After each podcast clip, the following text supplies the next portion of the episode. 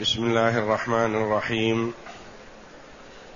الحمد لله رب العالمين. والصلاة والسلام على نبينا محمد وعلى آله وصحبه أجمعين. وبعد. أعوذ بالله من الشيطان الرجيم. إن الذين هم من خشية ربهم مشفقون. والذين هم بآيات ربهم يؤمنون والذين هم بربهم لا يشركون والذين يؤتون ما آتوا وقلوبهم وجلة أنهم إلى ربهم راجعون أولئك يسارعون في الخيرات وهم لها سابقون هذه الآيات الكريمة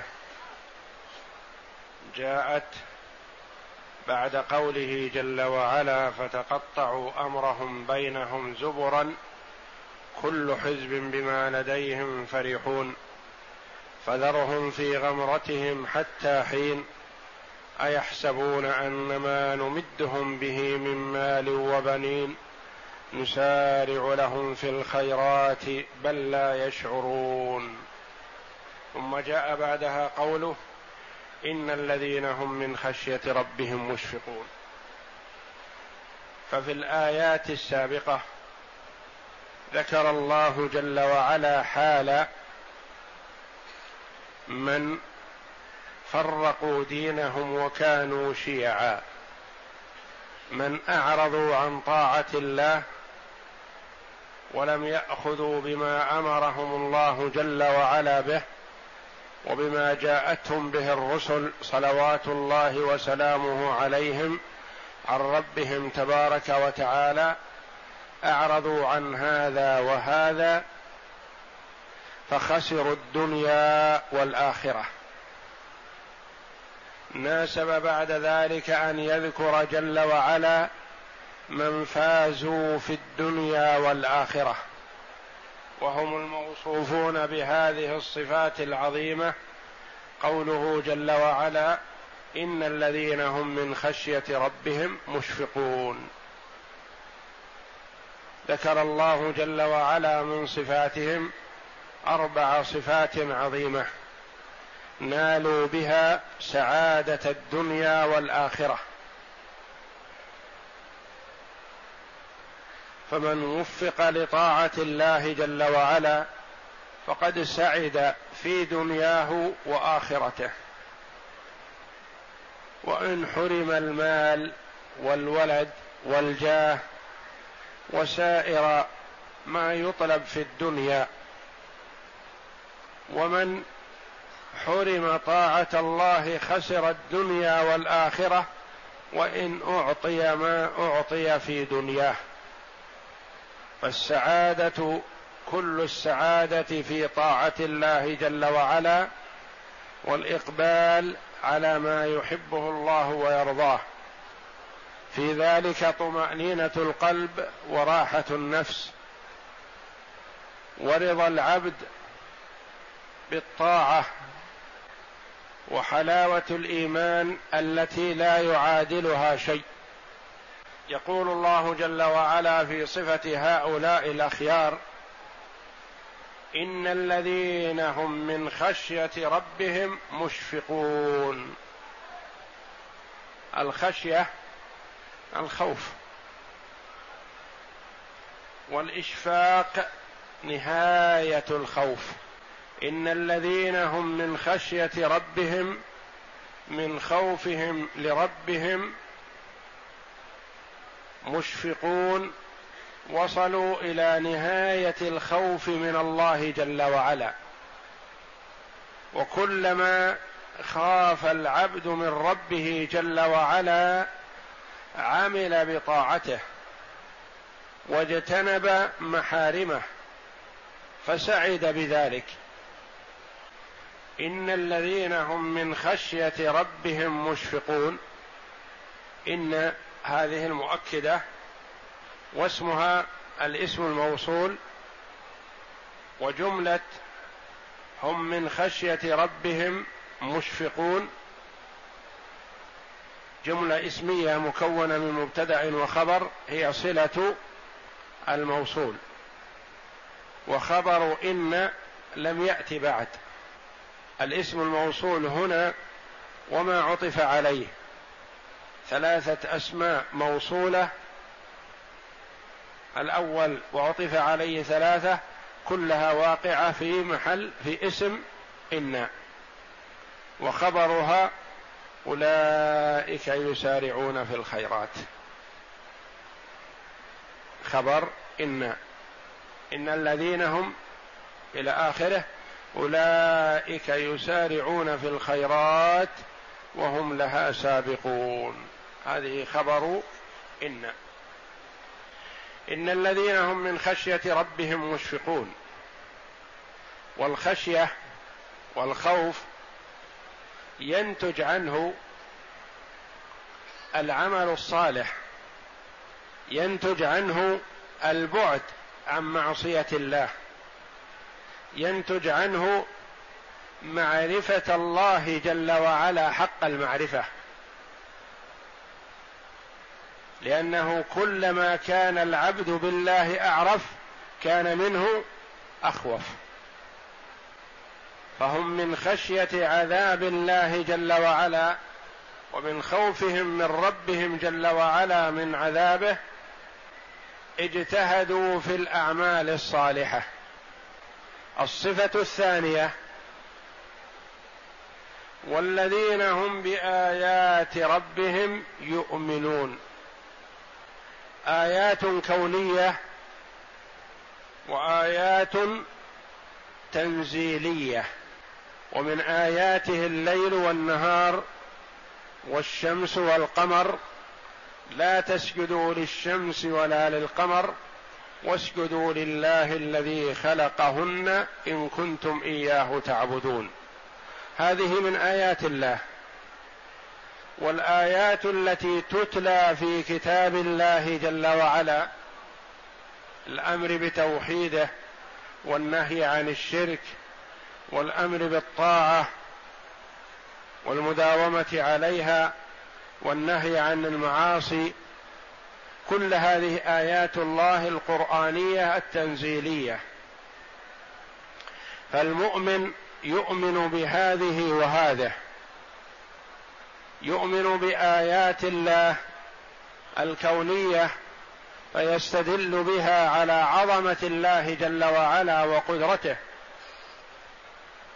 لأن الذي خلق السماوات والأرض مع عظمها هو أعظم جل وعلا. وخلق الشمس والقمر وخلق الكواكب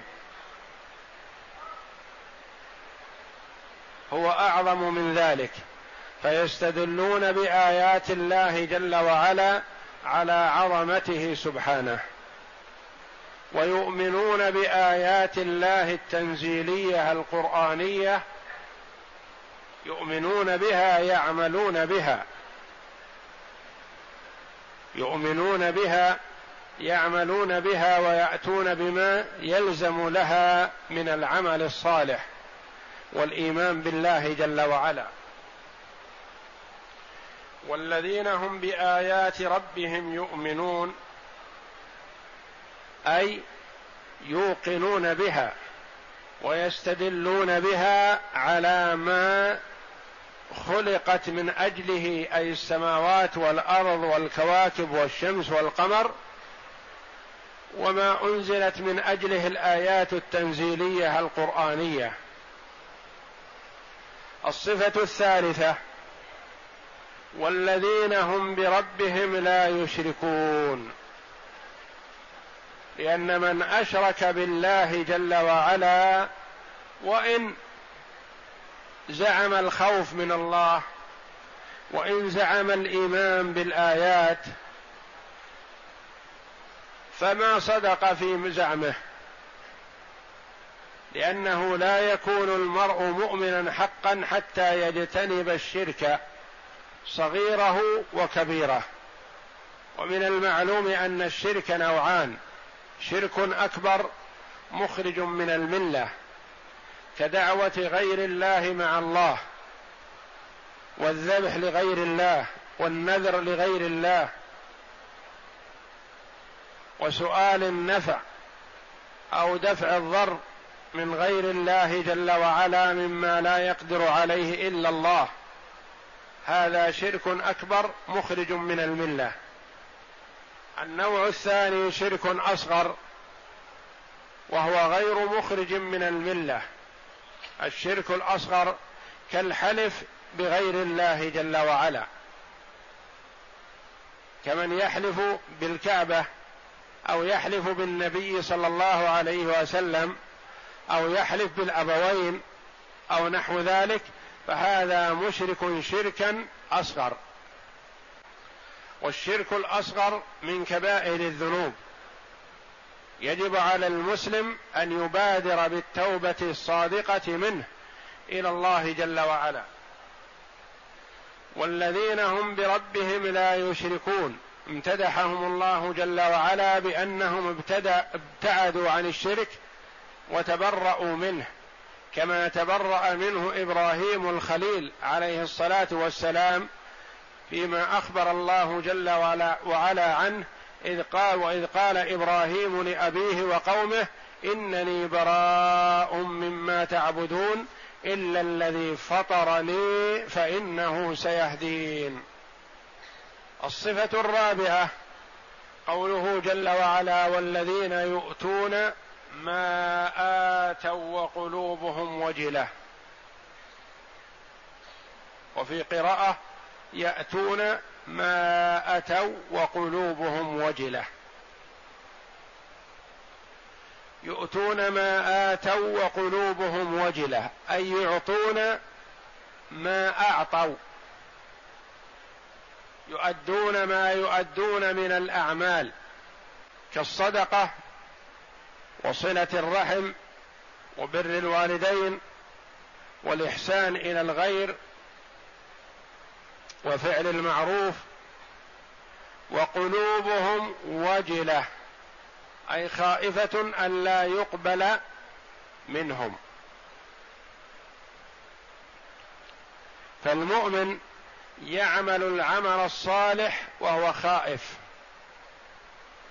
والمنافق يتبجح بعمله ويفتخر بعمله في المجالس.